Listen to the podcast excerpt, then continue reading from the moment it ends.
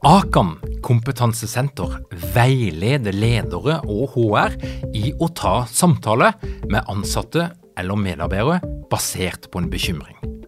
Akan setter ledere og medarbeidere i stand til å forebygge og håndtere en problematisk bruk av alkohol, narkotika, legemidler, spill eller doping blant ansatte.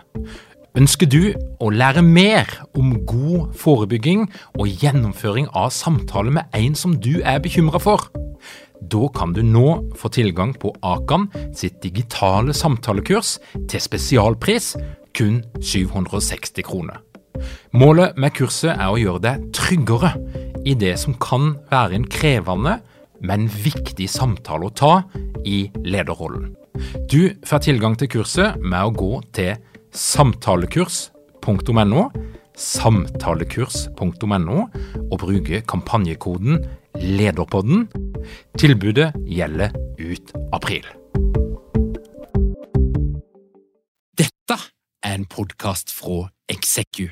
Vi hjelper organisasjoner å utvikle enda bedre ledere og ledergrupper. Lær mer på execu.no.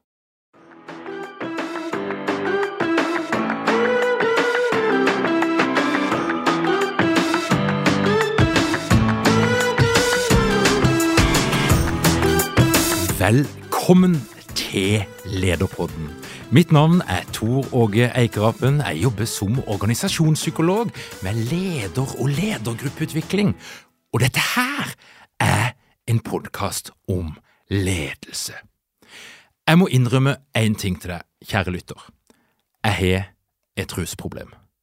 Og det jeg ruser meg på, er stress.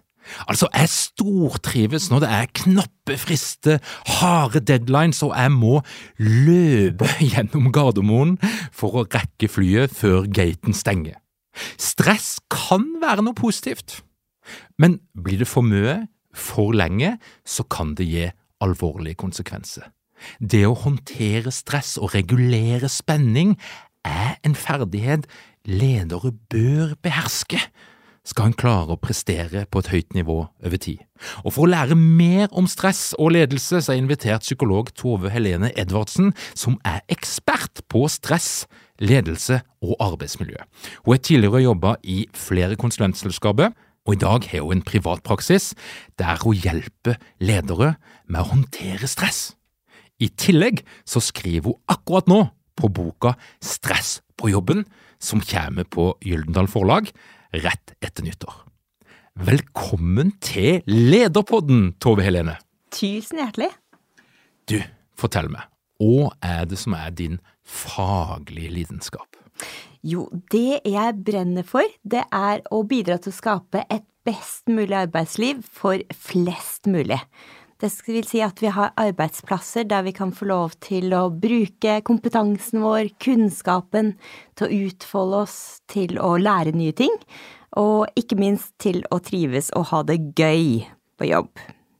Og så er det de her lederne, da. Det er jo mange som spør meg hva som er så spesielt med de her lederne. Hvorfor skal de ha noen egne opplegg og eget utviklingsprogram, og til og med en egen psykolog? ja, det er jo et veldig godt spørsmål. For dette er jo en del fellesfaktorer på hva som stresser ledere og medarbeidere. Men så er det klart at det er noen ting som ligger litt spesielt til lederrollen, og utfordringer knytta til rollen, som kan være en stressfaktor som er litt annerledes enn for medarbeiderne. Og så er det klart at lederen er jo en nøkkelperson for de ansattes opplevelse av jobben. Og det er både direkte, men også indirekte i forhold til hvordan de eh, utformer arbeidsmiljøet, investerer i gode organisatoriske rammer som virker stressforebyggende for de ansatte. Nå var det du skjønte at eh, stress og ledelse, det er min greie? Ja, du, det er et veldig godt spørsmål. Um, hvis jeg skal starte med det med stress, da. For der var det en veldig sånn konkret opplevelse eh, som liksom styrte fremtidskarrieren min. Og det var en opplevelse som jeg hadde faktisk tilbake i studietiden. Um, da satt jeg og leste mye om stress, men da fikk jeg jo gleden og muligheten til å plukke nesa ut av boka og over i den virkelige verden. Og uh, det syns jeg er veldig interessant, det er jo samspillet mellom det stressa individet og den stressa organisasjonen. Så da var vi ute uh, i en virksomhet på et oppdrag uh, angående en konflikthåndteringssak.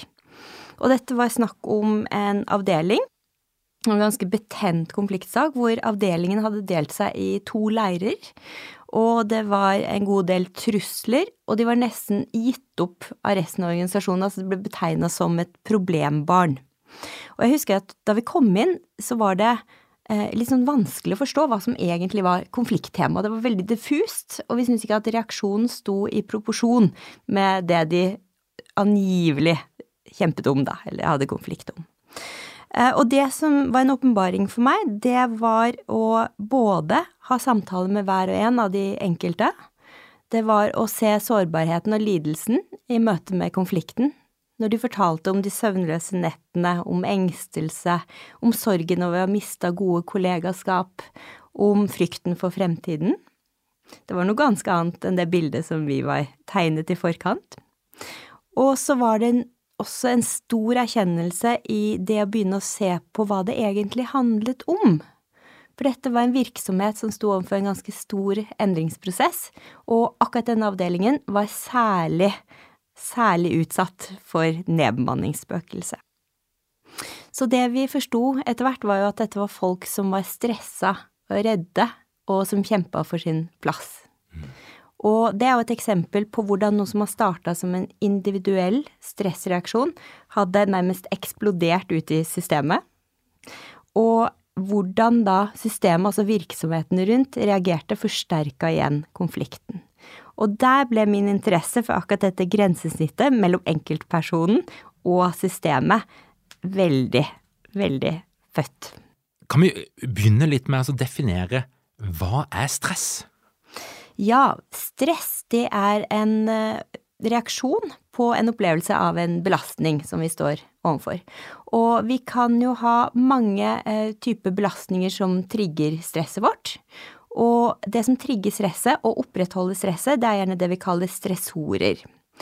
Og de stressorene de kan vi finne både i privatliv, eh, men også på jobben. Og når stressorene kommer fra jobbforhold, da snakker vi om at det er arbeidsrelatert stress.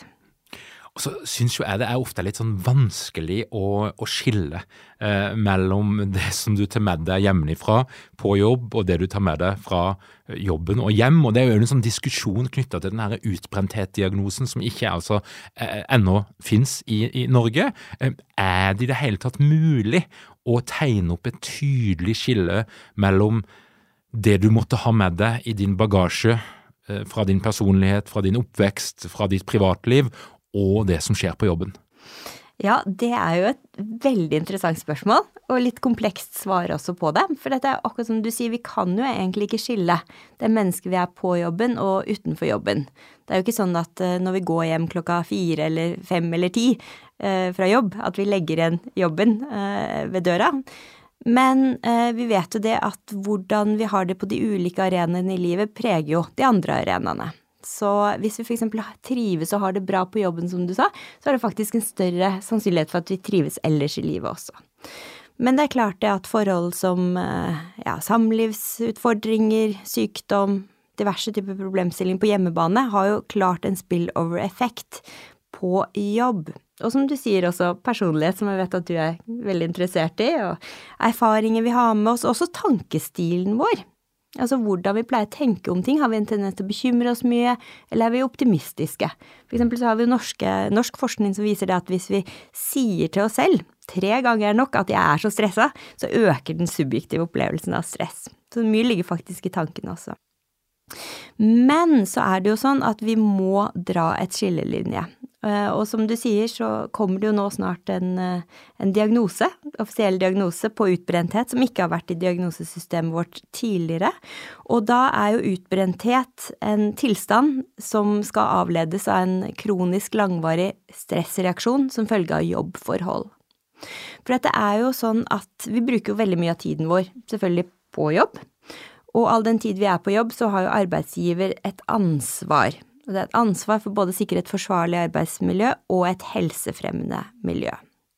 Så selvfølgelig, selv om du kan være stressa av forhold på hjemmebane, så betyr jo ikke det at du ikke også kan bli stressa av eksempel å stå overfor høy arbeidsbelastning eller korte frister på jobben. Eh, og selvfølgelig så er det jo også sånn at vi vet jo etter hvert en del om hva som er risikofaktorer for stress på arbeidsplassen. Og det er klart at du kan ha det helt fint ellers i livet, og allikevel bli rammet og oppleve konsekvenser av disse risikofaktorene på jobben, da. Og hva er det som er typiske, klassiske risikofaktorer som kan føre til stress på en arbeidsplass? Ja, ikke sant, for mange tenker jo på stress på arbeidsplassen som typisk sånn veldig mye å gjøre, eller eh, korte frister, eller dårlig balanse mellom jobb og familieliv. Men det er jo ikke bare sånn. Og som jeg tok opp i historien min, så er jo konflikter en av de store årsakene til arbeidsrelatert stress og det utgjør omtrent 10% av de som er sysselsatt i Norge per i dag, rapporterer, ifølge Stami, å stå i relasjonelle konflikter på jobben. Så det er en viktig del. Og så er det selvfølgelig um, endringsprosesser, som jeg også var innom, og særlig det å oppleve usikkerhet knytta til jobbfremtiden sin. Så er det faktisk også interessant nok eh, opplevelse av urettferdighet mellom innsatsen du legger inn, og belønningen du får ut av det. Og belønning, det handler jo ikke bare om, om penger, eh, men det handler jo vel så mye om status, muligheter til spennende oppgaver og det å få ros og anerkjennelse. Og det ligger jo faktisk så dypt i oss at um, i organisasjoner, det er litt sånn fun fact, da, i en del organisasjoner hvor de opplever lav grad av belønning i forhold til innsats, så er det faktisk også større svinn på kontorrekvisita. Så det ligger så grunnleggende i oss at vi prøver å opprette den, gjenopprette den ubalansen som er der, da. Og så kan vi jo ikke komme unna den virkelig store faktoren, og det er jo balansen mellom krav og kontroll på jobben. Dette er jo en modell som strekker seg mange tiår tilbake i arbeidslivsforskningen. Og um, vi vet det at uh, vi vil jo alltid i jobben stå overfor en rekke krav. Det kan jo være på det vi skal levere, på arbeidstempo, på kvantitet, på kvalitet. Og særlig for ledere også, e, emosjonelle krav. Um, krav fra, fra medarbeiderne, de rundt en, de man skal lede. Uh, og vi kan tåle ganske høye krav. Men forutsetningen for at vi tåler det, det er at vi opplever at vi har en kontroll i møte med disse kravene. Og den kontrollen den går ut på at vi opplever at vi har beslutningsmyndighet til å styre oppgavene våre på den måten vi selv ønsker og tenker er best, har mm, muligheten til å få tilgang til ressurser vi trenger for å løse oppgavene, det handler om at vi har kontroll i den forstand at vi har kompetansen til å løse det, og fleksibiliteten til å utforme jobben sånn som vi ønsker. Og når det er balanse mellom de to, så har vi det bra. Og det som er interessant, da, det er jo det at eh, hvis vi ser på unntaket, de som man kanskje tenker da ville hatt høyest eh, grad av stress, så er jo det toppledere. Men så viser det seg jo faktisk at det er de som har lavest grad av rapportert stress. Og hvorfor er det sånn? Jo, det er jo selvfølgelig når du er på toppen, så har du ganske høy grad av kontroll. Mm. Eh, og det er dette som bøfrer opp mot de også større gradene av krav du gjerne har på toppen. Så der sitter du med en utrolig god balanse mellom krav og kontroll. Så det er ikke noe sånn at vi ikke tåler å ha høye krav på oss. Mm, og faktisk så er det sånn at moderat høye krav kombinert med høy grad av kontroll, altså autonomi, selvbestemmelse osv., det er den optimale kombinasjonen. Da har vi det skikkelig bra. Dette her er spennende, for eh, når vi jobber med ledere og endring, eh, som jo er et tema som, som, veldig mange er opptatt av nå, for det at det er mange organisasjoner som må endre seg, mm. Eh, og måten de jobber på, så, så, er det jo vanlig at ledere kanskje ofte opplever litt manglende forståelse eh, for at sine medarbeidere syns endringene er vanskeligere enn det de gjør sjøl. Mm. Og da tenker jeg jo at det perspektivet her er faktisk viktig å ta inn over seg. At som leder så har du mer informasjon, og du har mer påvirkning og kontroll på det som skjer.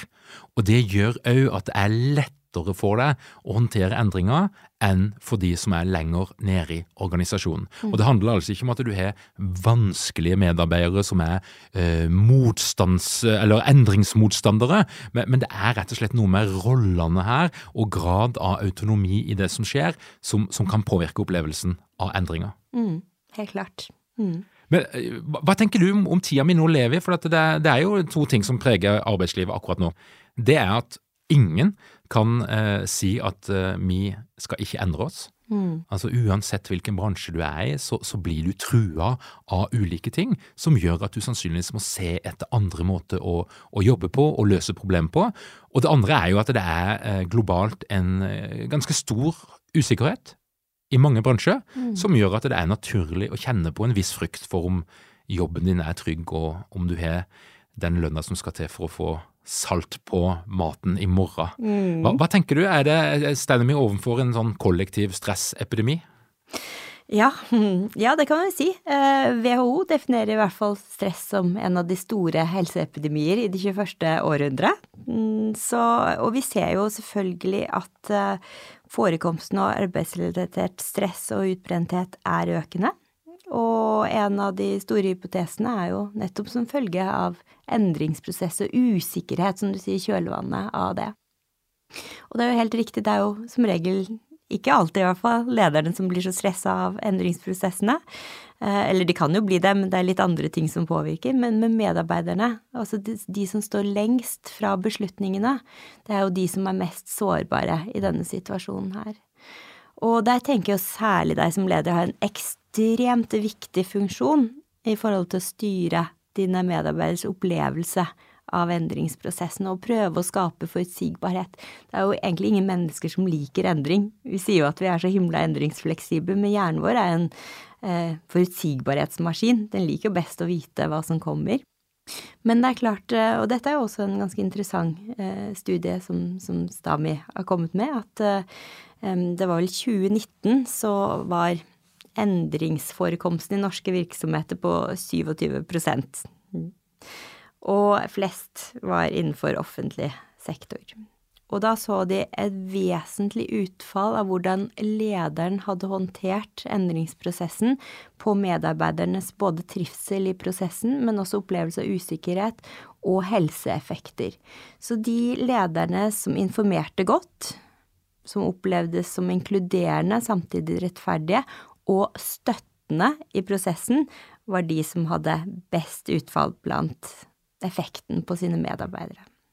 Det er interessant, for da, nå sier du noe om at lederen spiller en rolle. Altså det er, det er individuelle faktorer her som du sikkert ikke kan overstyre, men, men det store bildet er at du, kjære leder, du påvirker stressnivået i din organisasjon. Å ja, det gjør du. Har du noen gang jobbet for en stressa leder, Tor Hage? Um, det har jeg nok gjort, men jeg har òg vært en stressa leder. Ja, ok. Hvordan tror du dine medarbeidere opplevde deg da? Du, ehm, det tror jeg det mest ekstreme var når jeg drev en musikkfestival parallelt med studiene. Eh, og eh, i den perioden festivalen foregikk, som jo var noen få dager, så, så, så var jeg så stressa som det er mulig å få blitt. Ehm, og jeg trodde jo sjøl at det var helt ok, at det var noe som folk hadde forståelse for, og at de skjønte at det var viktig at jeg hang meg opp i alle slags smådetaljer som jeg jo gjorde, for jeg, jeg, mista jo perspektiv, altså jeg fikk tunnelsyn. Mm. Eh, eh, men det dessverre etter flere år fikk tilbakemelding på, det var jo at når jeg var i den modusen, så ble jeg opplevd som fiendtlig, ufin, eh, avvisende. Fordi at jeg løpte jo rundt, og jeg tok meg ikke tid til å snakke med folk, se folk, lytte. Og så trodde jeg at det hadde alle forståelse for, for de skjønte jo at det var viktig at det var en sånn akutt funksjon. Så altså, du, du hører at dette her var ikke en særlig god uh, leder å ha. Uh, heldigvis fikk jeg tilbakemeldinger, dessverre så tok det noen år. så jeg fikk kanskje tatt meg litt inn igjen på slutten, mm. men, men uh, jeg tror de som, som, jeg hadde ansvar for, som jo var en kjempestor gjeng av frivillige og, og, og folk som rett og slett jobba uten å få betalt, jeg, jeg tror de syntes det var en ugrei oppførsel. som, som bidro til å gjøre Er dykken mange ledere uten trening eller utdannelse innen ledelse? Mangler dere en felles kultur og praksis for ledelse? Ønsker dere å være bedre rustet for fremtidig vekst og endring? Da kan et internt lederutviklingsprogram være en god investering. I Execu så er vi eksperter på å designe og gjennomføre bedriftsinterne lederutviklingsprogram.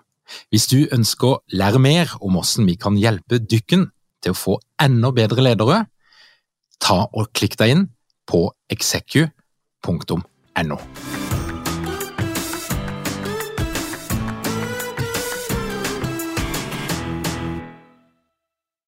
Opplevelsen av å jobbe eh, frivillig dårligere. Ja.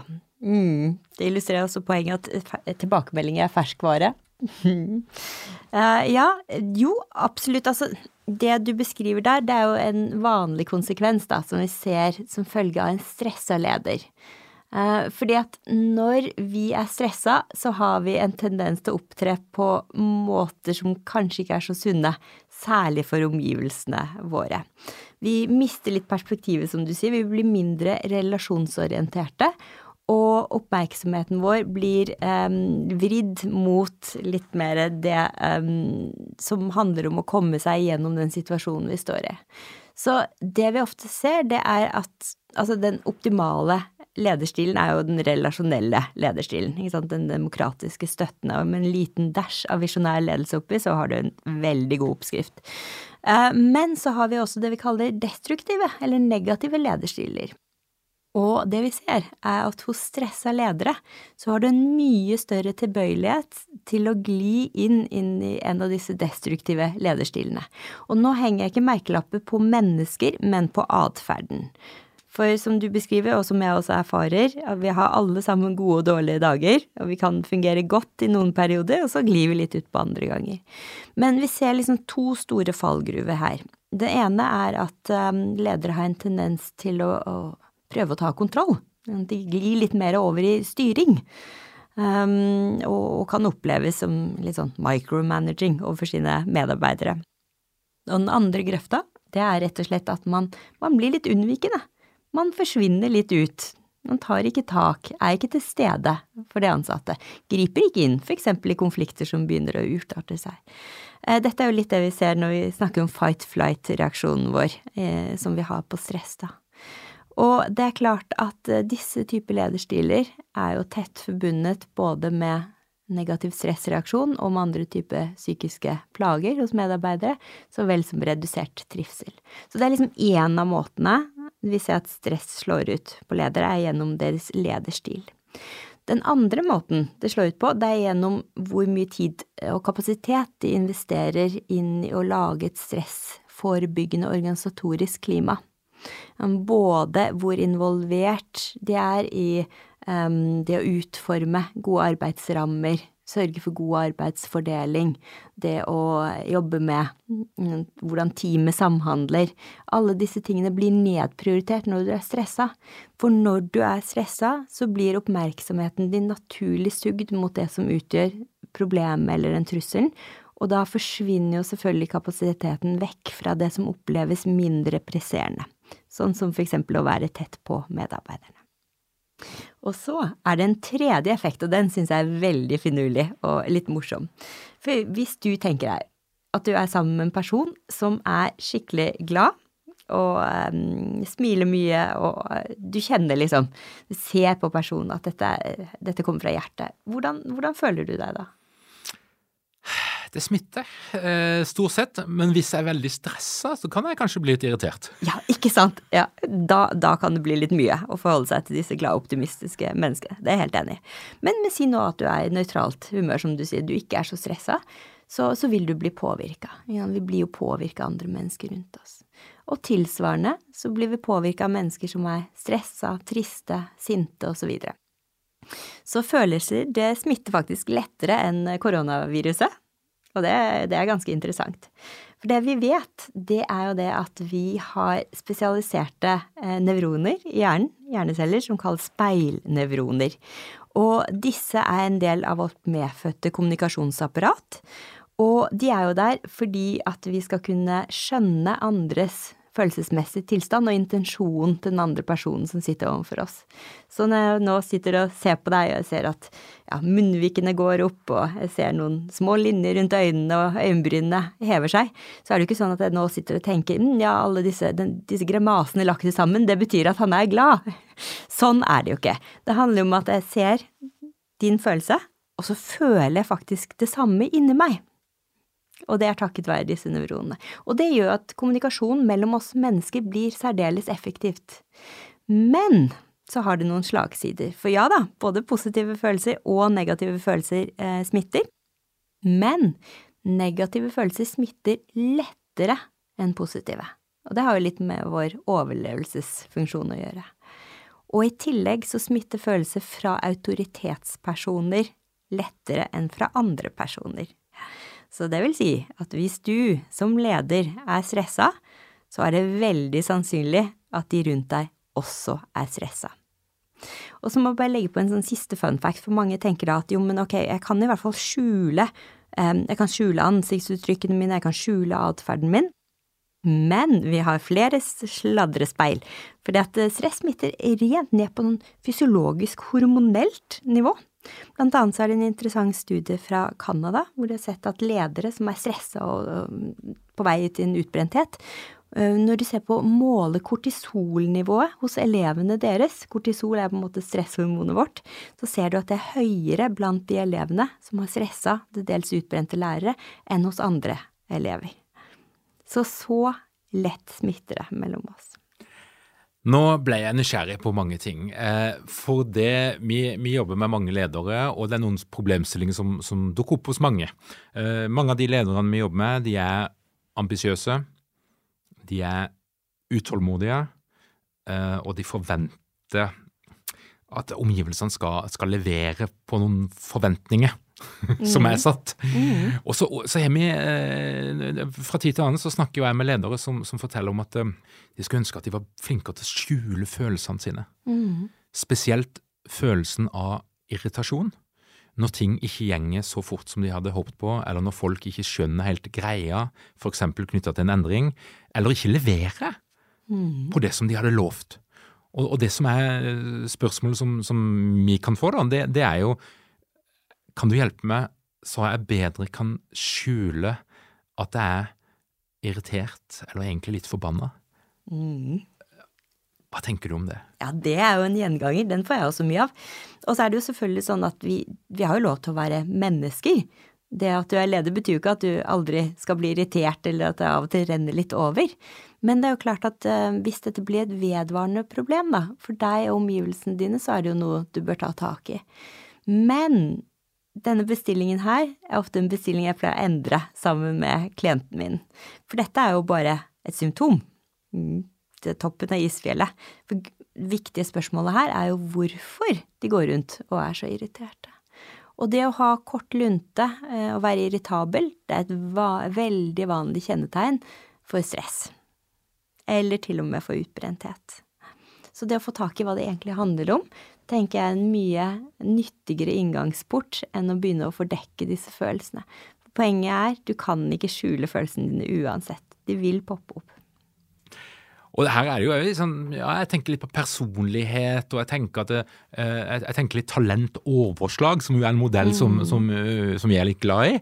Uh, um, og, og, styrken til en leder kan jo være å være handlekraftig, mm. utålmodig, resultatorientert. Mm. Det setter vi pris på. Mm. Sånne ledere liker vi, som er liksom mm, får ting til å skje. Mm. men overslaget kan jo være at i sammenhenger der du skal jobbe tett på andre mennesker, så vil den uh, utålmodigheten eh, gjøre det vanskeligere å samhandle, kommunisere, skape et klima for et godt samarbeid. Mm, absolutt. Mm, det vil det.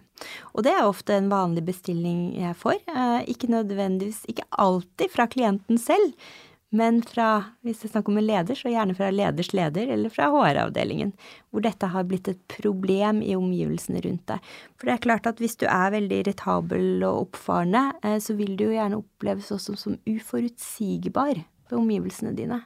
Og er det én ting folk ikke liker, så er det uforutsigbare ledere. Mm. Da er det nesten bedre å være jevnt stabilt irritabel.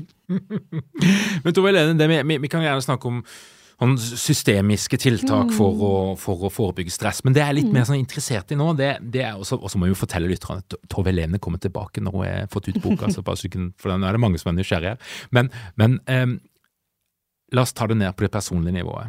Eh, hva er det ledere sjøl kan gjøre med sin egen stresshåndtering for å um, forebygge stress i arbeidsmiljøet bare gjennom sin egen måte mm. å være på? Ja, jeg tenker jo at noe av det første som må på plass, og gjerne noe av det første jeg jobber med når jeg snakker med stressa ledere, er å identifisere hva er stressordene. Hva er det som, selvfølgelig hva som utløser stresset for deg. Er det noen av de faktorene jeg har nevnt tidligere, ubalanse mellom arbeidspresset du står overfor og, og muligheten til å innfri på dette? Er det en konflikt som du, i kraft av å være leder, um, må håndtere? Eh, eller er det andre forhold som presser seg på, f.eks. på hjemmebane og utenfor jobben? Så det å identifisere stressoren, det, det, tenker jeg er veldig viktig. Du spurte jo om det der med om det var mulig å skille jobb og, og privatliv. Nei, kanskje ikke alltid, men det er i hvert fall mulig å starte et sted. Og det hender jo ofte også at er for ledere som um, kommer pga. jobbrelaterte stressproblemstillinger, og så viser det seg kanskje at de har en tendens til å overtenke og bekymre seg veldig mye. Da er det jo egentlig ikke jobben det dreier seg om, men tankestilen du har i møte med alle typer situasjoner. Så det å, å prøve å identifisere i hvert fall topp tre områder som skaper stress hos dem, er ofte et godt utgangspunkt, som jeg tenker at du som leder kan gjøre også selv, når du kjenner at liksom stresset begynner å rive av gårde med deg. Den andre biten handler jo om å se på hva er, hva er liksom støtteapparatet ditt, da, som leder. Hvem, hvem, kan hjelpe deg? Hvis det er snakk om forhold på jobben. Hvis det er snakk om en pressa situasjon som, som, du står veldig alene i. Hvem andre rundt deg kan, kan hjelpe deg, kan avlaste deg? Hvem kan du få veiledning av? Er det eventuelt noen utenfor jobben? Så det å få opp det ytre apparatet er ekstremt viktig. Det er veldig mange ledere som av ulike grunner sitter litt isolert i problemstillingene sine. Og jeg tror jo også fremdeles at dessverre så er det mange som har høy terskel for å til og med snakke med kollegaene, for de er redd for å, å bli avslørt som kanskje ikke kompetente nok eller gode nok, da, i jobben sin. Eh, men en ting som man ikke skal undervurdere når man jobber med eget stress, det er det jeg kaller grunnmuren. Så når vi skal bygge hus, så må vi ha en, en stabil grunnmur.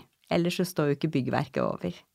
Og sånn er det litt i, i livene våre også. Så det er alltid lurt å ta en innsjekk i grunnmuren. Og hva er grunnmuren? Jo, det er rett og slett de helt grunnleggende forholdene i livet ditt. Hvordan sover du? Hvordan spiser du? Har du balanse mellom aktivitet og hvile? Altså har du nedetid? For å være påkobla så trenger vi også å, å være avkobla og hvordan står det til i relasjoner rundt deg utenom jobben. For eksempel søvn, da. Hvis du sover dårlig, og erfaringen min er jo at en del ledere gjør det, av ulike årsaker, men ofte fordi at de tenker at de ikke har så mye tid, sitter oppe lange kvelder, starter tidlig på morgenen. Søvn er på en måte salderingsposten. Og det er klart at vi vet at en god og stabil søvnrytme er viktig for de eksekutive funksjonene våre, altså evnen vår til å løse problemer, til å eh, ta beslutninger, ta, ta valg, mm, til å tenke sammenhengende.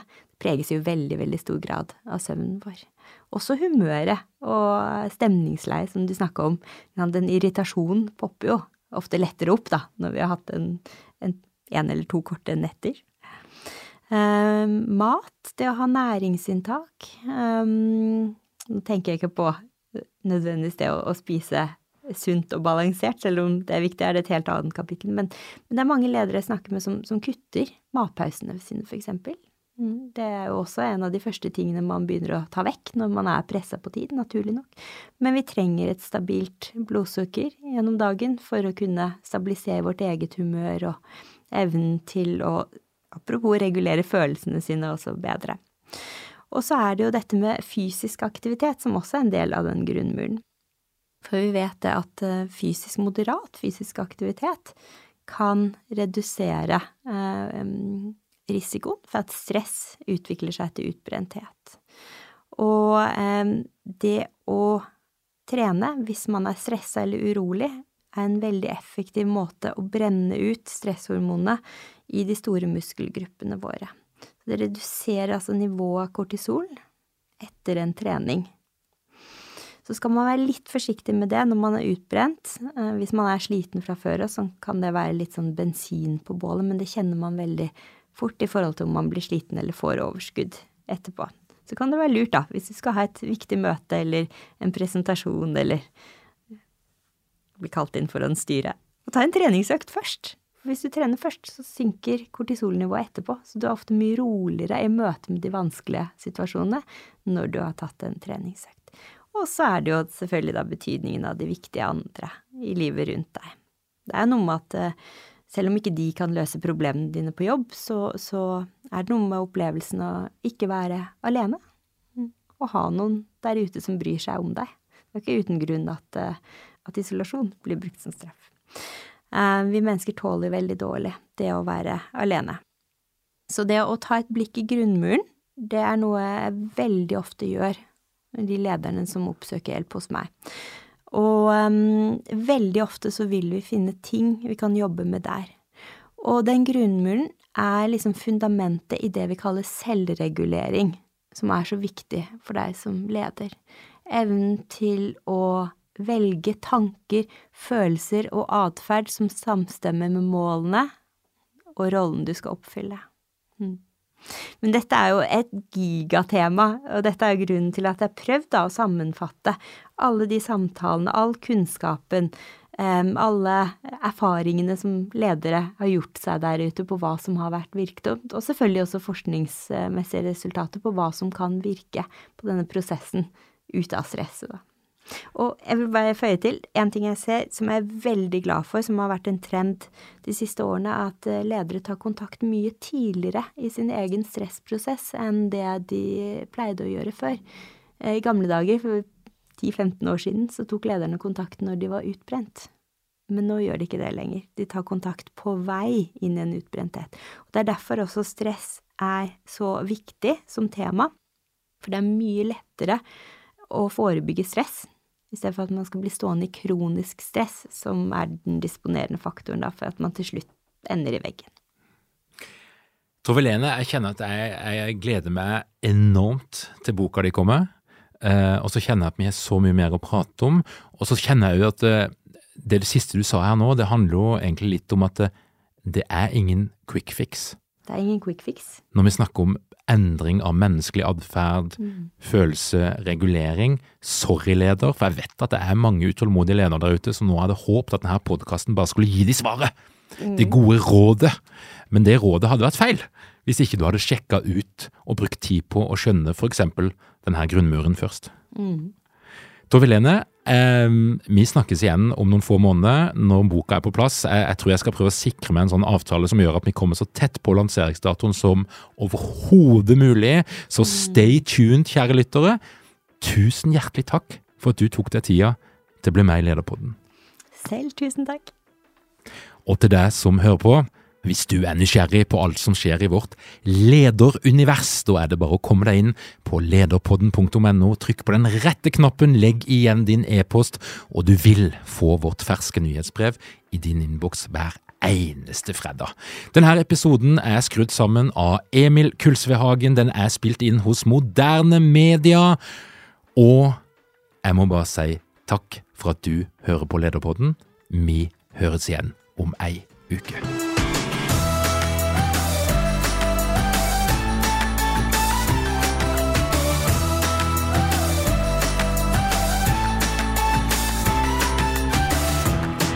Lederpodden er gitt til deg av Execu.